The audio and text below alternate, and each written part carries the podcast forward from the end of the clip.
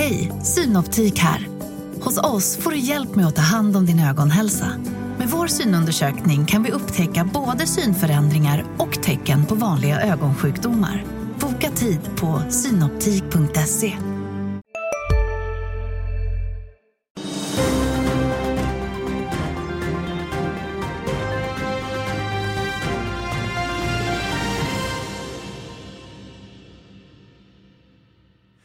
Äntligen fredag, mycket fokus på bank, inflation och valutor här i studion. Asien pekar uppåt under natten. Vi får hoppas på ett glatt avslut också här. Eh, det är förstås den, ursäkta, den 3 mars du tittar på Börsmorgon. Eh, Ericssons uppgörelse i USA ska vi nämna kort. Vi ska tända ett ljus i inflationsmörkret. Det är smör och vete som är bränslet till den hoppfulla lågan. Och så noterar vi att endast Sverige svenska banker har. Varför är det så? Eller varför värderas de som de gör? Det är en tittarfråga som vi ska be Agneta Jönsson svara på lite senare i programmet. På bank arbetar däremot Lars Henriksson, vår andra gäst, valutastrateg på Handelsbanken. Varmt välkommen. Lasse, jag skrev en artikel om så kallad mellanmöteshöjningar igår. Mm. Swedbank har kört det här ett tag att Riksbanken skulle kunna gripa in yes. innan mötet den 26 april. Mm. Det har fått moteld av både Micke Gran på Danske Bank och SCB som i sitt morgonbrev sågar tanken med fotknölarna. Vad säger du? Ja, man kan väl säga att såga tanken lite med fotknölarna gjorde ju även Erik Thedéen på en direkt fråga på bostadsseminariet förra veckan. Och, eh, det var ju efter den, den, den kraftiga överraskningen på uppsidan för svensk inflation så Eh, vi ser det som väldigt osannolikt också måste man nog säga. Man ska inte utesluta någonting i dagens centralbanksvärld. Det har vi fått lära oss de sista tio åren får man väl säga. Men, men eh, nej, osannolikt absolut. Blev det, eh, vi fick ju inflationsdata från eurozonen igår. Vi har en bild på det också. Förändrade det, var det liksom en vikt på vågen i det här läget? Den var ju ändå lite starkare eller ihärdigare än väntat. Nej, det, det gör det inte. Jag menar, jag förstår tanken här att man vill hålla jämna steg med ECB och man har ju också uttalat ett starkare intresse för kronan. Så att det är väl en tanke i det, men jag menar, vi, om man inte, liksom, om Thedéen avvisar tanken så lätt efter den svenska inflationsöverraskningen Jag har svårt att se att han skulle springa till det här efter eh, en överraskning på uppsidan för eh, eurozonens inflationssiffra. Eh, det är ju liksom om ES det är ju en månad ungefär mellan ECBs möte och Riksbankens möte och det är klart skulle skulle ECB av någon anledning som jag inte känner till, som jag också ser som osannolikt, att höja med mer än 50 punkter så, så skulle väl eh, då sannolikheten öka men fortfarande vara väldigt liten för en mellanmöteshöjning. Så ser jag på det. Mm. Ska nämna lite bolagsnyheter. Securitas tar in 3 miljarder i lån, Agneta. Du följer ju bolaget, det här kanske inte är någon jättenyhet? Eh, nej, de har ju kunnat ta in pengar på marknaden innan. De gjorde ju en omläggning av de här brygglånen de gjorde i samband med det stora förvärvet av Stanley Securities. Där de gjorde dels en emission och så har de lagt in hälften av de pengarna de hade i brygglån i annan finansiering och så kommer man att fortsätta med resten. Så att det löper på som det ska. Hade det däremot de inte lyckats så hade det varit en nyhet. Jag vill nämna, det här kom igår, men jag vill nämna att EQT EQT ryktas, Bloomberg skriver att de förbereder en börsnotering utav Galderma, det är väl gamla Qmed bland annat. Eh, 20 miljarder schweizerfranc skulle den värderingen landa på om den här börsnoteringen blir av. Det skulle ju vara kul eh, om det gick att notera något på börsen. Så vänder Lufthansa till vinst nu på morgonen. Eh, vi har en grej i DE om att alla flygbolag går med vinst utom ett, nämligen en skandinaviska SAS. Agneta, motgångarna har varit många. Ja, och man håller ju på nu. Man har ju haft lite motigt med sina rekonstruktioner rekonstruering också. Man håller ju på och ska ta in kapital och det har dragit ut på tiden. Så att det är inte så konstigt kanske att eh, det är även jobbigt på, på den här sidan också. För det, det känns ju lite här att många har ju säkert förra sommarens händelse i färskt minne och att Alltså resekaos? Resekaos och särskilt när man befinner sig i en sån här situation som gör, man gör nu kanske man inte vill boka dyra långresor här mm. fram i sommar om det skulle bli att det blir ännu mer grus i maskineriet. Apropå grus i maskineriet då. Det, en hel del, det, PMI idag, det känns det PMI idag, idag ska vi säga. Eh, vi fick eh, svenska inköpschefsindex på 45,7. Det här drar ju ner 45,7 från tidigare 50,8. Rätt betydande nedgång Lasse. Ja, men det får man ju säga absolut. Och, eh, det höjer ju liksom då de, den oro som redan finns för svensk konjunktur får man väl säga. Och, eh, sticker ut faktiskt i ett internationellt sammanhang också klart lägre än väntat. Jag funderar, vi har läst mycket om att Sverige går sämst i Europa plötsligt. Varför är det så? En nybörjarfråga. Ja, just det. Uh, nej, men uh, det är ju naturligtvis, det har återigen att göra med konsumtionen och hushållen i Sverige. Och det är väl det som är den stora farhågan runt svensk konjunktur. Då. Att vi har en hög belåning på hushållen och mm. vi har då problem med bostadsmarknaden. Så att det är största delen, och även byggsektorn då som naturligtvis också är en del av det här. Jag vill nämna att det kombinerade inköpschefsindex, alltså både tjänster och industri, sjunker nu till 46,1 från 49,7. Lasse, ni på Handelsbanken, Claes Måhlén i synnerhet, brukar ju titta väldigt mycket på industri-PMI som den mest framåtblickande börsledande indikatorn. Kan man argumentera för att tjänste-PMI är på väg att ta över eller är mer intressant idag? Nej men absolut, jag känner inte riktigt igen oss i den beskrivningen heller just nu. Därför att det är klart att servicenäringen i det här läget är väldigt speciell och intressant. Vi har ju nu en situation där alla undrar hur länge ska vi dras med den här höga inflationen och kommer den, kom, kommer den att liksom, uh, få fäste ytterligare i ekonomin? Och det får den ju genom att vi får den här pris-lönespiralen som vi pratar om. Det vill säga att löner tar vid. Och, och då är ju arbetsmarknaden avgörande för det här. Och, och, och tjänstesektorn är ju mer eh, arbetskraft, alltså personalintensiv, än, än vad industrin är. Vill du flika in något där Agneta? Vi såg redan i höstas att eh, det var ju många som drog ner på tjänster inom IT-området eh, och sådant. Och då började man ju se också att den här, innan var det ju överhettat att det var svårt att hitta personal och helt plötsligt började det göra det. Så där får du snarare kanske att lönerna kanske glider neråt lite istället? Ja, alltså vad det gäller den sektorn så kan jag ju tänka mig att, mm. att, att, så är fallet. Men, men vi har ju sedan länge en väldigt svår matchningsproblematik på svensk arbetsmarknad. Och, eh, eh, då är det ju helt andra yrken vi pratar om. Det är vård och det, det handlar om skola och det handlar om polis och så vidare. Jag vill, jag vill stanna kvar i PMI. Det handlar om liksom, transporttjänster mm. och liknande också väldigt mycket, skulle man säga. Ja, intressant. Det var dåligt samvete. Men jag ville stanna i PMI. Jag ville nämna kinesisk. Vi fick eh, kinesisk PMI nu på morgonen också. Mm. Eh, kan, ska vi sammanfatta kinesisk data i veckan?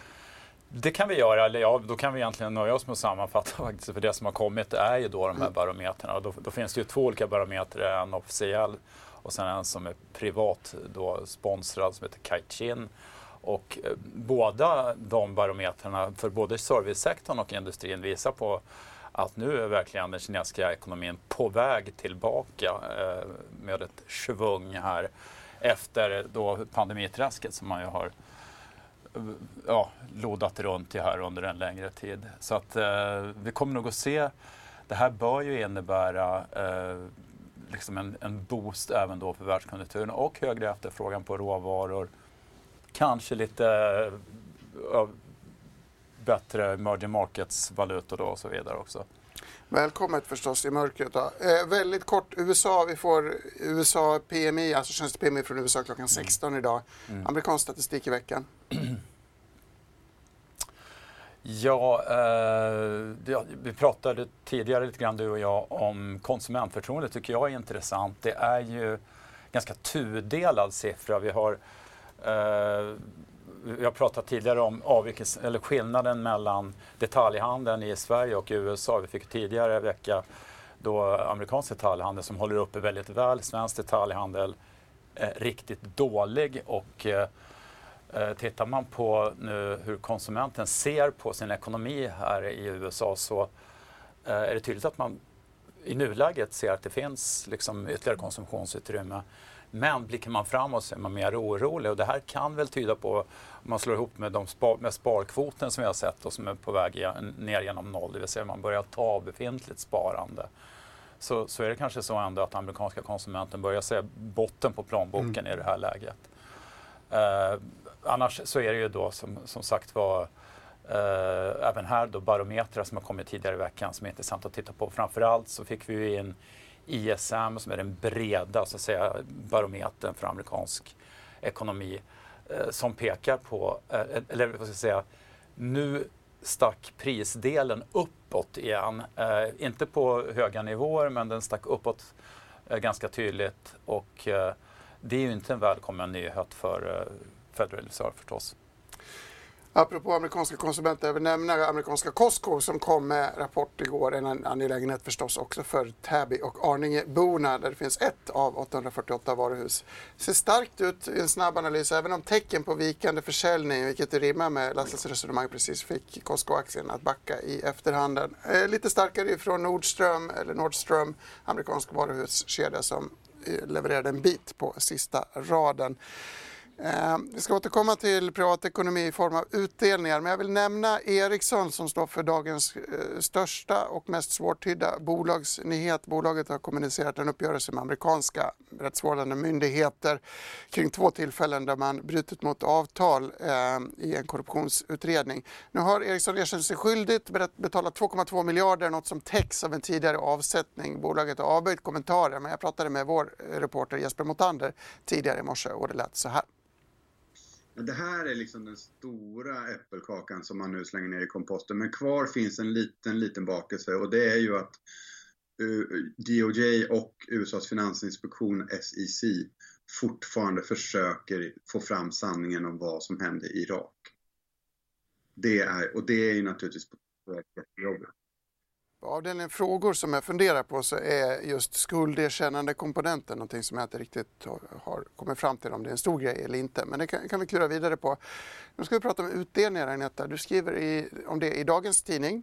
Jag skriver att allt fler bolag vårdar sin kassa mer eller det blir viktigare kanske hur man hanterar kassor? Eh, precis, jag menar med att räntorna har gått upp här så är ju extern finansiering mycket dyrare och då gäller det att vårda sina likviditetsflöden också, matcha in och utbetalningar lite bättre. Eh, man har, många bolag har faktiskt börjat med att dela ut flera gånger per år. Vi har fastighetsbolagen fast, eh, SBB och Cibus som delar ut faktiskt varje månad. Och vi har tio bolag som delar ut kvartalsvis och ytterligare 30-tal som delar ut två gånger om året. Och jag tror att eh, den här trenden kan öka lite. Nu går det ju lätt att göra det i och med att vi är mer digitaliserade. Eh, många privatpersoner och småsparare uppskattar det här att få utdelning flera gånger per år och det är som sagt var bra för bolagen också. Vi såg Intrum nu här som det var diskussion innan deras bokslut om de faktiskt skulle lyckas hålla kvar sin utdelning på 13,50. De gjorde det men de delar upp den i två så man får två gånger 6,75 och det underlättar ju så att säga då tar du och håller upp ditt kassaflöde bättre. Jag har skrivit lite grann eller funderat mycket på om det utdelningen har blivit för viktig som signalvärde att en del bolag som ser minskade vinster kanske ändå kommunicerar en ökad utdelning för att visa optimism och styrka. Har du någon reflektion kring det kanske har blivit det. lite mycket fokus och det bidrar väl kanske vi i media också till det här med utdelningar och just bland privatpersoner så har det blivit en väldigt stor grej det här med eh, direktavkastningar. Eh, och sedan har du olika typer av investerare i bolagen också. Eh, du har ju den här gruppen till exempel stiftelser och sådana här som mm. i sin tur delar ut pengar och då är ju utdelningarna ett viktigt bidrag i det där. Och sen beror det på vad de har för policy också. Vi har ju bolag som istället eh, tillväxtbolag som inte delar ut alls utan satsar alla pengar i verksamheten och kan du förränta dem där så är det ju bättre att göra det. Här pratar vi egentligen om att hantera sådant bolag som pengar som inte behövs i bolaget. Vill du flika in något, du som kommer från räntesidan, bolagens utdelningar, är det någonting du håller koll på?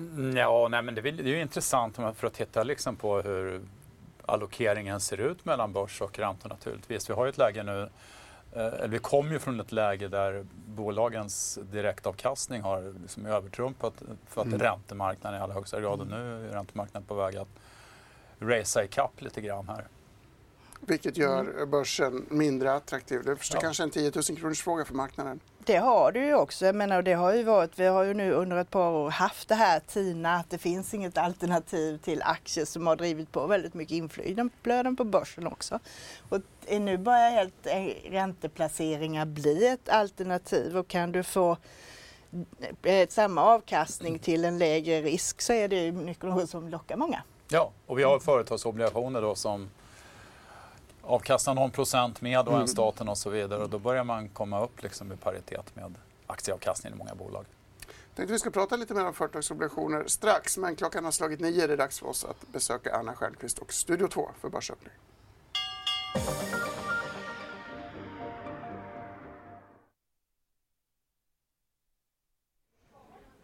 Ja, Stockholmsbörsen lyfter ungefär en halv procent här i öppning. På storbolagslistan ser vi Boliden i botten backa 1,5 procent efter ytterligare en sänkt rekommendation till eh, underperform idag, eller undervikt medan de igår då fick en sänkt rekommendation till underperform av Credit Suisse. Idag är det JP Morgan som sänker sin rekommendation för aktien. Även Hexagon ser vi i botten efter en sänkt rekommendation till behåll av HSBC som även sänkt SKF.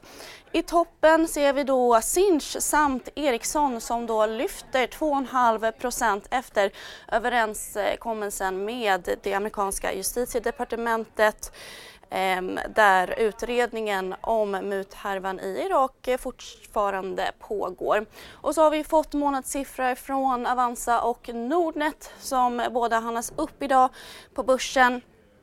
Avanzas eh, inflöde minskade med 1 miljarder kronor till 4,6 miljarder kronor medan inflödet hos Nordnet eh, ökade något. Utöver det så har Powercell tecknat ett avtal med det norska företaget Seam och det om att leverera vätgaslösningar. Nu framgår även att ordervärdet där landade på runt 200 miljoner kronor. Och så har Idun Industrier rapporterat ökad omsättning och resultat. Rörelseresultatet ökade 15% under Q4 mot i fjol och den aktien handlas ner 1,5% idag. Vi har även fått orderingång på tunga lastbilar i Nordamerika som kom in starkt. En viktig marknad för Volvo och eh, tunga lastbilar ökade med 30% i februari då mot månaden innan. Och så säger det danska affiliatebolaget Better Collective sig vara redo för att lansera i den amerikanska delstaten Massachusetts. Och det är den 10 mars när delstaten ändrar regleringar kring sportbetting så kan vi även nämna att Urbit redovisar fortsatta förluster och så har storägaren Linas Matkasse Holding dumpat hela sitt innehav nu i Linas Matkasse för strax över en miljon kronor. Men ja, ett litet lyft på Stockholmsbörsen idag, nu närmare 1 procent. Hej, Ulf Kristersson här. På många sätt är det en mörk tid vi lever i. Men nu tar vi ett stort steg för att göra Sverige till en tryggare och säkrare plats. Sverige är nu medlem i Nato. En för alla, alla för en. Vi är specialister på det vi gör, precis som du. Därför försäkrar vi på Swedea bara småföretag, som ditt. För oss är små företag alltid större än stora och vår företagsförsäkring anpassar sig helt efter firmans förutsättningar. Gå in på swedea.se företag och jämför själv. Litet lyft på börsen och ett lite större lyft för Ericsson. Skönt förstås att skriva av och vi vet ju att engångsposter är helt ointressanta på aktiemarknaden. Anetta, däremot undrar jag över eh, den här statistiken som kommer från Avanza och Nordnet. Har du några spaningar därifrån? Det man ser är, det som är på den positiva sidan, vilket förmodligen börsen tar fasta på nu, är ju att de här liksom aktivitetssiffrorna, antal courtagegenererade noter per handelsdag och sådant ökade på Avanza eh, 5 och även omsättningen i pengar ökade också en 7 eh, och det behöver vi nu därför att förra året räddades vi väldigt mycket av räntenettot. I år kommer inte riktigt så vara fallet så att du behöver handelsintäkter. På Nordnet hade du inte samma ökning på den svenska sidan, där låg det stilla, men däremot hade du motsvarande aktivitetsökningar i de andra nordiska länderna. här. Däremot är det stilla på kundinströmningen. Du har ingen mm. inflöde av nya kunder direkt här om vi jämför med januari. Eh, du har också på Avanza hade du faktiskt nettoutflöden på pengar så att man tog ut netto en miljard och det kan ju ha med det här med vår höga inflation i Sverige och att pengar går till lite annat. Däremot så höll nettosparandet uppe lite. Det kom till och med in några hundra miljoner mer i Nordnet och det kan också vara i de andra nordiska länderna för de brukar följas åt i Sverige här. Så att Ja, aktiviteten är det vi vill se där nu men jag trodde faktiskt att det skulle kunna vända att lite fler skulle komma in och öppna depåer när vi faktiskt har haft en positiv börs. Ja. Det kom någon undersökning såg jag nu om att medelinkomsttagarna, det är de som drar sig ut från börsen. Mm. Höginkomsttagarna är kvar. Och det låter ju logiskt för ja. det är väl det här så att då kanske pengarna helt enkelt går till annat nu. Ja, ja. Ja, intressant. Jag knyter an till ditt konsumentresonemang tidigare också. Jag kan tänka mig att eh, även aktier är väl en slags konsumtion. Vi har faktiskt fått en tittarfråga om banker. Det här kanske syftar mera på storbankerna. Lite långt att läsa men trevligt ändå när folk hör av sig. Sedan årsskiftet har vi sett en tydlig divergens, alltså skillnad mellan amerikanska banker och nordiska banker, speciellt svenska. Det våra här hemma nästan gått obehagligt bra. Det skulle vara väldigt kul om vi kunde göra någon analys på bankernas värderingar. Eh, Lars, du jobbar ju på en bank, även om du är förhindrad. Men Agneta skriver mycket om banker i alla fall. Och, eh... ja, men alltså man kan väl allmänt säga att det, det, det, det, så har det varit under en längre period naturligtvis. Och en del av anledningen skulle jag vilja påstå är väl att vi har haft eh, vad det gäller då de här eh, regleringarna för bankernas kapitalhållning och så vidare. Där har man ju varit väldigt sträng från svenska myndigheter relativt omvärlden. Det, det är väl en anledning. Mm. Och det finns rätt många anledningar. Dels är det ju det här också nu på, på kortare sikt det här med vad vi fick den här stora svungen när vi kom ur minusräntan. USA ligger ju tidigare i räntecykeln så de har inte den här boosten av räntenettot. Nej. Och där har vi också det här som du var inne på med bolånen, mm. att vi har en mycket större andel med rörlig ränta vilket ger också en effekt i räntenetto. Amerikanska banker har ju inte bolån på balansräkningarna på det sättet heller, så de har intäkter men inte likadant. Fast nu fattar jag faktiskt inte något av, något av det ni säger. Om svenska myndigheter är strängare borde väl det vara en värderingspress och om USA ja, har men, högre räntor ja, borde väl det vara ja. Men det innebär ju att svenska banker är mer välkapitaliserade. Aha, då, så att säga. Och det har väl också då, vi har en hög rating generellt sett i, i, i Sverige och i Skandinavien. Eh, sen, sen, har vi ju inte haft de eh, problem, alltså europeiska banker bär ju med sig ett tungt lass från tidigare då, stora kreditförluster. Där, där, där, där har inte vi varit nu så att säga. Sen tittar vi så ligger våra eh, Morgan Stanley och JP Morgan som har mer investmentbanker i sig har en bra avkastning på eget kapital och hade förra året. Men både City och Goldman Sachs ligger betydligt lägre än vad våra gör. Sen har du också en bättre effektivitet om man tittar på det här KI-talet, kostnad i relation till intäkter, ligger betydligt bättre i våra banker än de amerikanska. Mm. Svenska banker har varit ganska tidiga också med att ta till sig av så att säga, teknologin då. Digitalisering av banken. Precis. precis. Så det du ser egentligen, tittar du, det som är intressant här nu är egentligen att eh, tittar du på det man brukar säga price book eh, så ligger man ganska lika här på 1,3 eh, till 1,5 gånger eget kapital utom då amerikanska City som har haft det lite jobbigt som har en betydligt lägre värdering. Tittar du på då värderingen utav vinsterna på P talen för 2023 här så ligger faktiskt våra banker lägre mellan 8 och 9 medan de amerikanska ligger på 10. Jag brukade följa price to book vad det gäller europeiska banker mm. tidigare väldigt noggrant men jag har faktiskt kommit ifrån det lite. Jag får titta på det när jag kommer tillbaka till jobbet igen. Men Alltså, där är det ju få banker mm. som ligger över ett. Så de, de, nästan alla banker värderas ju under det egna kapitalet. Ja. Och jag skulle säga att snittet då jag tittade senast låg väl på 0,5 eller något sånt. De nordiska sticker ju ut med, och det är ju, hör ja. ju ihop med det här som du säger, den här problematiken ja. vi har haft i södra Europa. Och, eh, även tyska banker har ju haft det riktigt motigt. Ja, och i allra längst i söder så är det naturligtvis så att banklån har varit en to-go-källa för finansiering på ett helt annat sätt än i norra Europa, speciellt Sverige då och än mer så i USA där en stor del av skulderna varit kapitaliserade. Sen ser du också på privatsidan så såg vi ju amerikanska banker här i första kvartalet så var det mycket utflöden. Amerikanerna började plocka ut de här pengarna de fick i stöd under pandemin och mm. leva eh, på det på ett annat sätt. Mm. Eh, och därför har man ju också haft tapp i det räntenetto som kommer normalt från kreditkort och sånt eftersom man använder del av sitt sparande istället. Och trevligt när ni pratar så här fritt med varandra. Eller hur, det får vi göra oftare. Ja, så det är väl några förklaringar, det är väl inte allt så Nej, att men... säga men eh, vi ligger bra till nu och det är framförallt räntenettot som lyfter oss nu. Ska, och ska, man, ska man säga något taskigt, vilket är mitt jobb, då kan man ta vara på det du inledde med att säga, den här svenska oron över konsumenter, hushåll med rörliga lån, eh, Sverige som ensam BNP eh, nedgåare i, i år. Mm. Men du är inte så orolig över bankernas eh, resiliens i ett sånt Jag scenario? tror att eh, vi klarar oss nu ett tag. Sen får man vara väldigt noga och titta på det här. Dels hur djupt det blir och hur långvarigt det blir.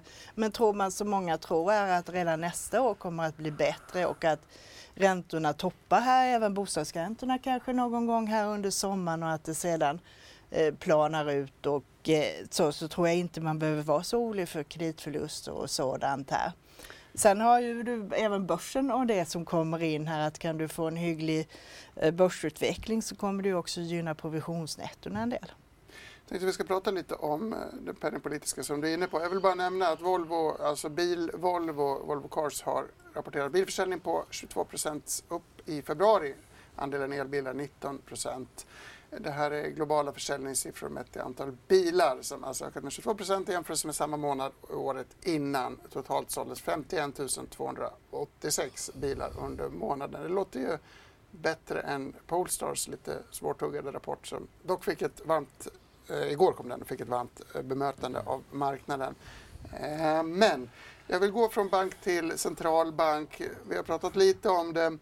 Jag har en bild som handlar om att Thedéens starka, han landade som en hök på Brunkebergs torg och skickade upp kronan rätt rejält. Den utvecklingen är inte raderad men den är väl ändå dämpad sen eh, hans eh, första utspel, Lars? Ja, nej det är helt sant Gabriel och eh, titta på de här bilderna som jag gjorde igår och så kan vi se att eh, vi hade, det här är ju då den relativa ränteutvecklingen på svensk 10 och 10-årig statsobligation och tysk 10-årig statsobligation för, för 10 och 2 år ska jag säga. Eh, och så är det då euro och kronor. Vi kan säga att det vart en väldigt hög förklaringsgrad om man tittar på den tvååriga räntespreaden mellan Sverige och Tyskland. Eh, det vill säga, vi har kommit från ett läge i augusti förra året där den tyska räntan var 100... 35 någonstans punkter under den svenska. Det här är ju ganska nyligen då, det är drygt ett halvår sedan bara och har då gått fram till innan mötet, eh, den relation där den tyska räntan helt plötsligt var 20 punkter över den svenska, lite mer än det till och med. Då. Eh, det här har pressat kronkursen mot euron och eh, jag tror att Riksbanken tog fasta på det att, det, att det här var en del av förklaringen till beslutet att aktivt börja sälja obligationer. Man, man var ju också betydligt mer vaken vad det gällde kronan i kom, kommunikationen. Mm Tittar man på den penningpolitiska rapporten så nämnde man kronan 51 gånger mot 9 gånger i november till exempel.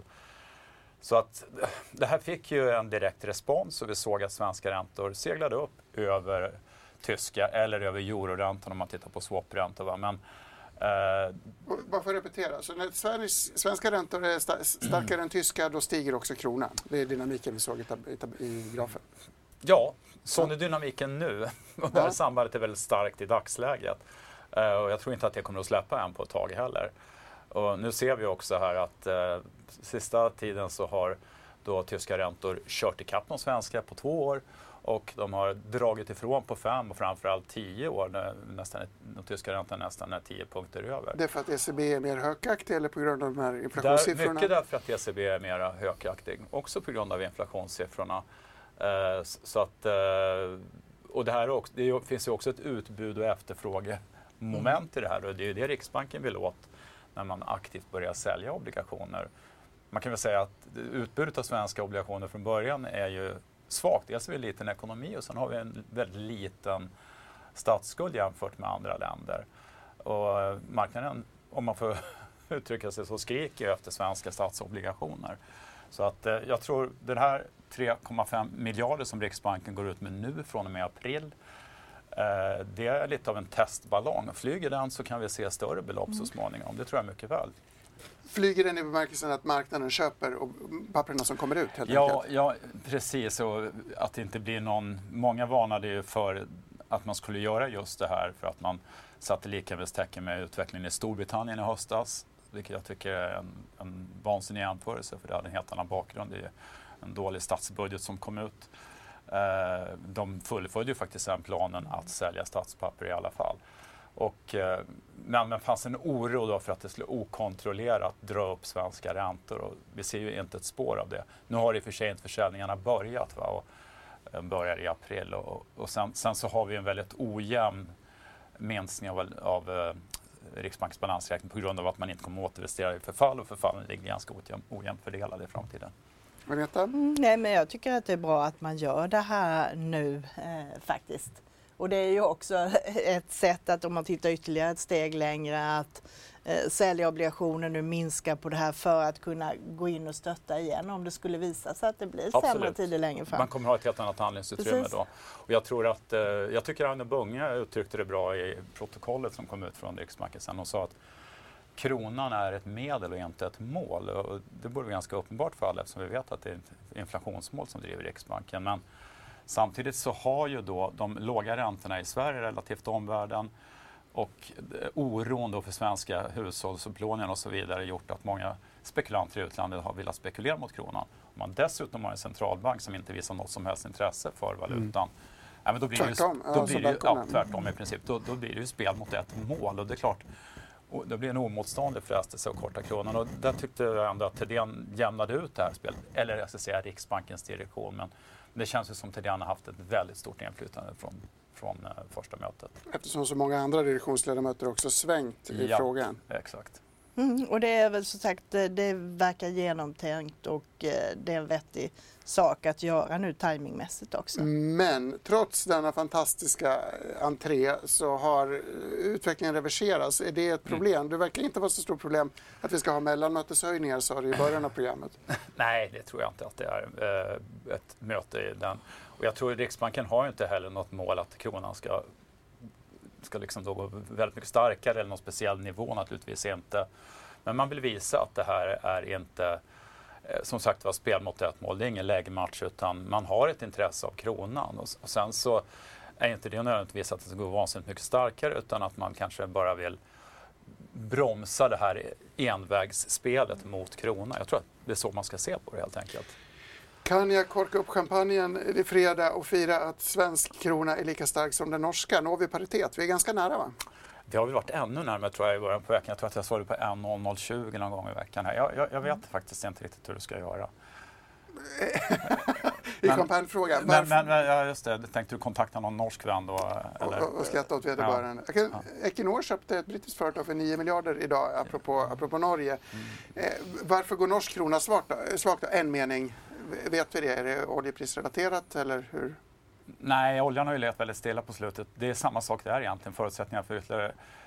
Norges bank kommer att sacka efter i räntehöjningarna, så är det bara. Plus att man köper fortsatt väldigt mycket, mycket eh, valutor till valutareserven, alltså norska oljefonden. Och Norge har ju legat före i räntehöjningscykeln också så det är väl kanske bara någon höjning kvar där nu. Så ser det väl ut enligt de flesta bedömare. Ja. Hörni, eh, eh världen skriker efter svenska obligationer och Agneta skrev om obligationer i häromdagen, igår närmare bestämt i tidningen. Ett stort eh, utförligt uppslag för alla som vill lära sig. Det här tyckte jag var en väldigt trevlig genomgång. Här ser vi uppslaget. Om vi tittar närmare på den första bilden till vänster så ser vi lite det Lasse var inne på att Sverige är högst i klassen med AAA-rating medan många andra europeiska eh, länder är sämre rankade. Lars, jag frågade dig också tidigare att svensk ekonomi sägs ju gå sämre än andra länder.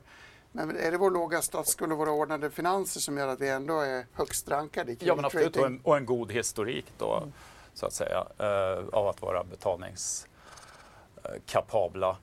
Eh, alltså, och det här ska man också tänka på när man då bedömer svensk konjunktur framåt, att det finns ju ett handlingsutrymme finanspolitiskt och det gör det ju även då vad det gäller bostadsmarknaden. Det, det, det här kan man, kan man komma in med lättnader, så jag tycker Riksbanken gör rätt i att bekämpa inflationen. Sen, sen kan det finnas då saker man kan göra i ett värre läge med amorteringskravet eller finanspolitiska åtgärder för att så att säga hjälpa till och stötta hushållen. Det är så det måste gå till. Agneta, du, den här artikeln är intressant apropå att obligationer och räntor blir allt mer relevanta som investeringsform precis. också. Det är ju precis också som innan, vi har ju fått mycket läsarfrågor det här att det går inte att investera i obligationer för man måste köpa för en miljon och hur gör man och fungerar det? Och då tänkte jag att det, många har ju faktiskt inte varit med om att det har varit intressant att köpa räntepapper. Det har ju liksom varit borta nästan i tio år från eh, spelplanen, särskilt från privatpersoner då. Så jag tänkte att, det, att försöka gå igenom i alla fall eh, ungefär hur det hänger ihop och hur det fungerar och vad det finns för saker att placera i.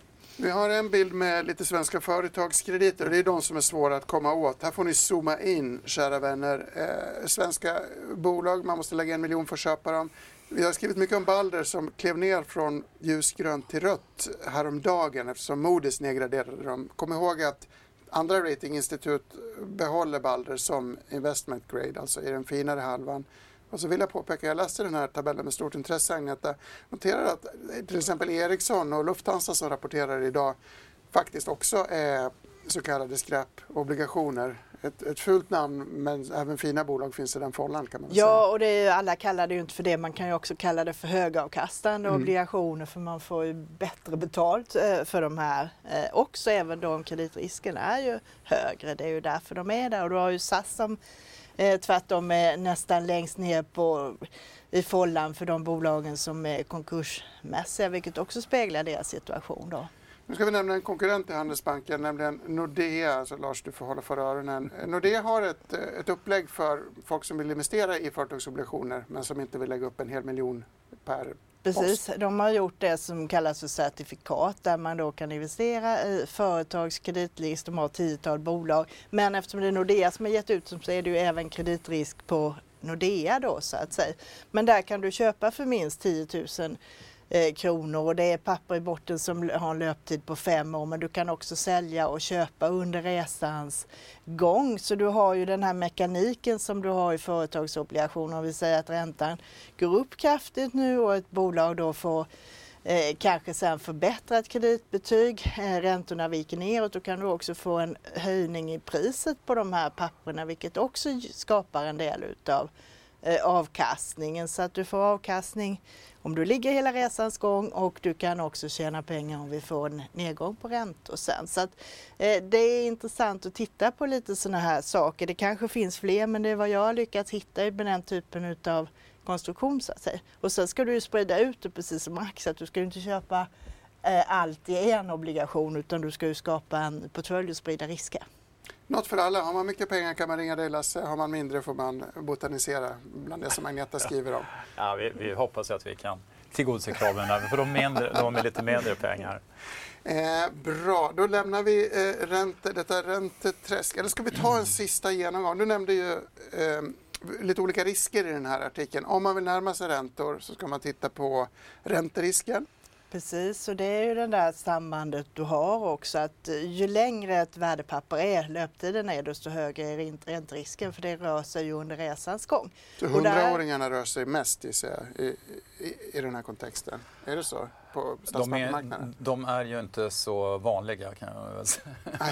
Okej, okay. men det, desto längre desto svängigare. Men, det, men det är det ju och där har du den här mekaniken. Så är det ja. så. Mm. Om du köper en obligation och vi säger att räntan är 5% och så går räntan ner till 4, jag menar då är det klart naturligtvis värt mer att få 5 och då stiger priset på den. Och du har ju haft nu under hela den här långa perioden när räntorna har trendat neråt så har du haft eh, då en ökning i priset men när räntorna du går åt andra hållet så får du det här emot dig.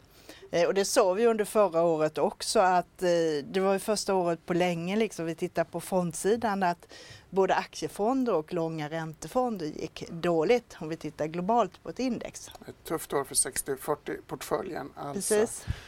Hörrni, nu måste vi gå vidare och vi gör det genom ett återbesök till Studio 2 och Marknadsstudion. Hur går det på börsen, Anna? Ja, men det ser fortfarande ganska så muntert ut i stort. Stockholmsbörsen är upp 0,8% nu och tydligast rörelse ser vi i Ericsson fortsatt som är upp 3,5 och det efter att man erkänt att man brutit mot det avtal som slöts med det amerikanska justitiedepartementet 2019 och man tar alltså en bot då på 2,2 miljarder kronor. Ser även Sinch lyfta ganska så tydligt 3% idag. I botten Boliden som det enda bolag som eh, backar på storbolagslistan ner en halv procent efter ytterligare en sänkt rekommendation och nu är det JP Morgan som sänker till undervikt med riktkurs 355 kronor, alltså klart under dagens 433 kronor ungefär. Även Hexagon och SKF har fått sänkta rekommendationer till behåll av HSBC där Hexagon får riktkurs 124 kronor och SKF får riktkurs 200 kronor. Och Eh, så har vi också fått eh, stark försäljningsstatistik från Volvo Cars som du nämnde tidigare. En rekordstark försäljning faktiskt och bilförsäljningen ökade 22 då i februari mot samma månad i fjol och elbilsförsäljningen stod för 19% av försäljningen.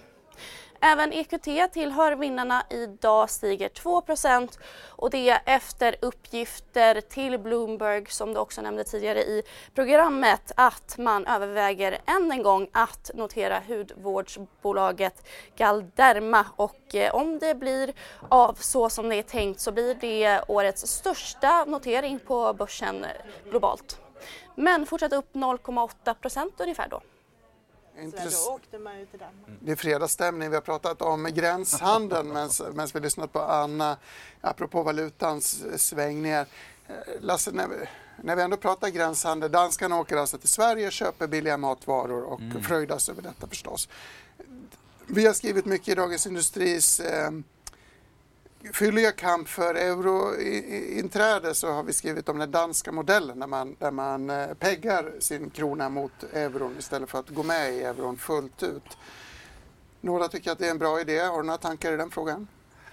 Alltså, jag ser ju ingen poäng att hoppa med i ERM2 som det heter då för att liksom eh, som ett alternativ till att vara utanför eller innanför. Det är ju någonting man gör när man är på väg in. Att Danmark har hamnat i den här limbon. Jag, jag tror näppeligen ens att man skulle, man skulle se med blida ögon på om Sverige sökte samma typ av, av eh, från eurozonens sida, då, samma typ av lösning. Utan det är ju ett, det är liksom hallen in i vardagsrummet om man säger så. Och, eh, eh då kan man ju dessutom, i och med att det innebär att man håller valutan då relativt stabil mot euron. Danskarna har ju valt ett väldigt smalt spann men egentligen så handlar det om 15 procent.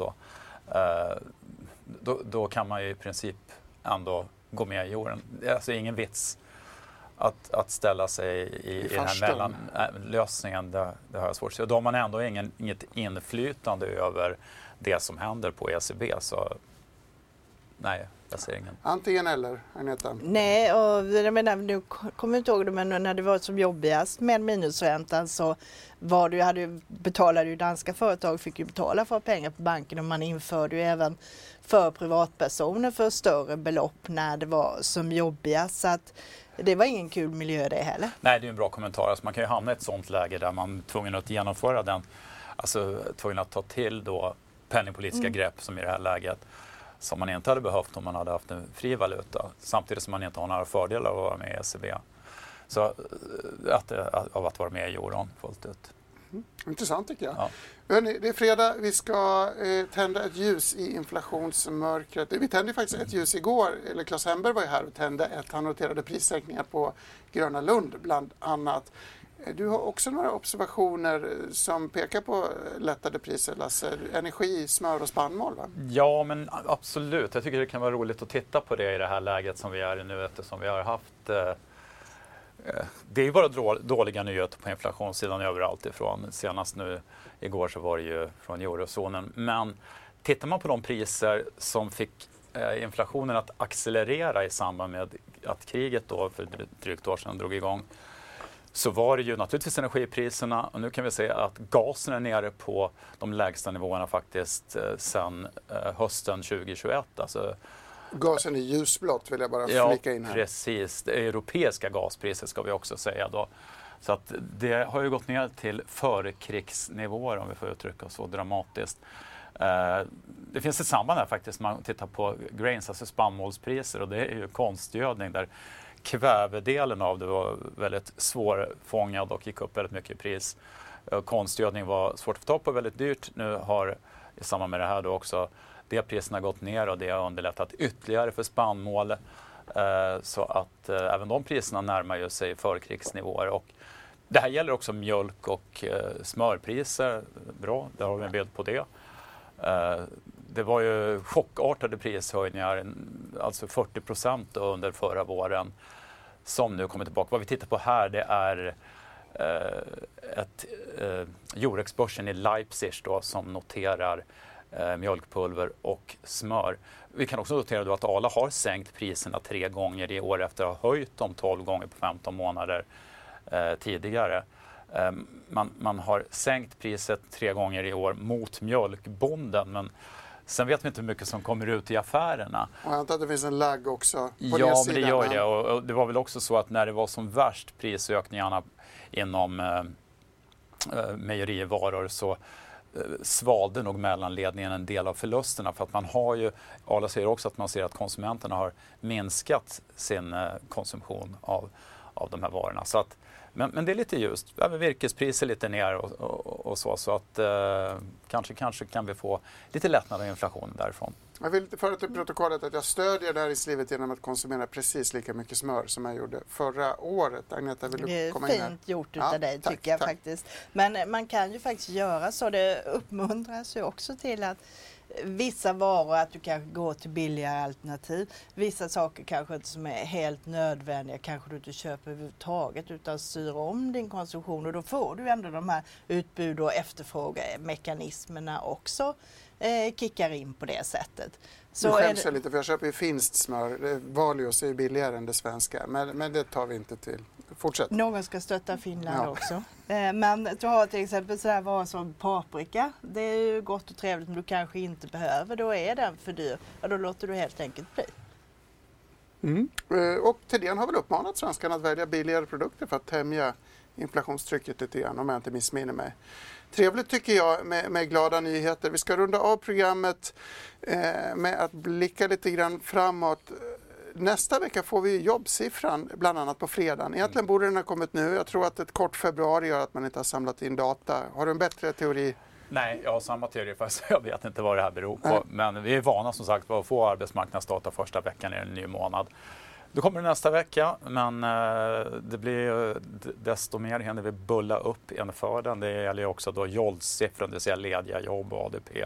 Hela det här sättet av arbetsmarknadssiffror som vill bli vansinnigt spännande, måste man säga nästa vecka. Så vi hade ju den här eh, januarisiffran som var uppåt mm. väggarna mm. hög får man säga. Och det var, väl eller det var ju det som blev den stora chocken för Fed får man också säga. Så eh, det, här, det var stora revideringar bakåt i tiden. Det har påverkat siffran. Man är lite osäker på hur. Och många menar ju att det kommer att slå tillbaka nu. Jag tror förväntningarna ligger på 220 000 nu, vilket ju är en ganska låg siffra då, men en del menar att den kan bli dramatiskt ännu lägre. Det, det är verkligen en boll som är i luften som ska bli intressant att se när den landar. En rysare och eh, förhoppningsvis kan vi bulla upp inför den lite billigare än vad vi hade gjort tidigare med tanke på sjunkande priser. Det är också den internationella kvinnodagen i nästa vecka den 8 mars då vi på Dagens Industri korar näringslivets mäktigaste kvinna. I den internationella kategorin har vi redan aviserat vem som vinner. Hon heter Stira Ehrensvärd, förstås känd som Jubicos eh, halva, grundar halva och eh, VD i alla fall fram till nu. Vi har intervjuat henne. Vi ska se ett kort klipp ur den intervjun innan vi tackar för oss. När min man och jag som startade bolaget för tio år sedan, när vi flyttade till Kalifornien, då så var målet, vi ska vinna alla de stora techbolagen. Vi ska bygga in vår teknik i de ledande plattformarna, i webbläsare och i datorer och mobiler. Och det har vi gjort nu. Det bästa exemplet på hur jag har utvecklats som chef är nog det jag gör nu. Det är att lära sig delegera mer och mer. Jag har precis delegerat mitt jobb det är väl det, inte det bästa exemplet på en bra chef? När man ut, liksom, får in människor som är tillräckligt bra och man motiverar dem att göra, göra det man inte själv behöver göra längre. Hörrni, en längre version av den finns förstås att se på di.tv. Med det tar vi helg Lasse, en sista punkt bara. Kinesiska folkkongressen nämnde du som någonting att hålla koll på. Ja, men det var väldigt kul. Det kom ju nyheter här, eller kul, intressant ska jag säga. Det kom ju nyheter nu om att eh, även Ponimado inte ska få vara med på folkkongressens stora möte. Det är Tencents grundare. och den kinesiska ledningen ska även göra lite omskyfflingar, sagt i regeringen. Eh, Xi Jinping fortsätter att stärka sin redan väldigt stark, sitt redan väldigt starka grepp runt Kina. Och, eh, det, det, är ju mångt och mycket nu en moralhistoria som spelas upp där man bland annat då var på bankerna om, om hedonistiskt levande tidigare i veckan och så vidare. Vi glömde vi prata om när vi pratade om bankernas verksamhet och värdering, den hedonistiska levnadsstilen. Det får vi prata om en annan gång. Hörrni, Börskoll klockan 14 i kalendern förstås. Annars är vi i Börsmorgon tillbaka 8.45 på måndag i vanlig ordning. Trevlig helg när ni väl kommer och lycka till där ute.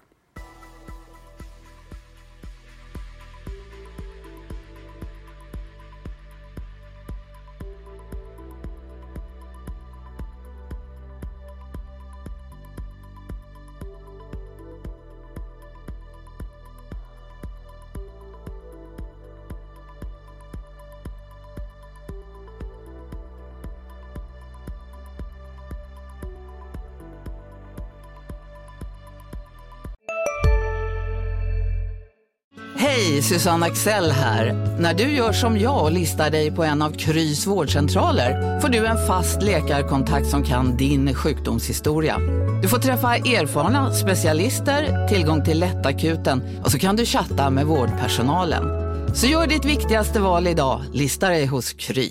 Redo för sportlovets bästa deal? Ta med familjen och njut av en Big Mac, McFeast eller Cooper och Company plus en valfri Happy Meal för bara 100 kronor. Happy Sportlovs deal, bara på McDonalds.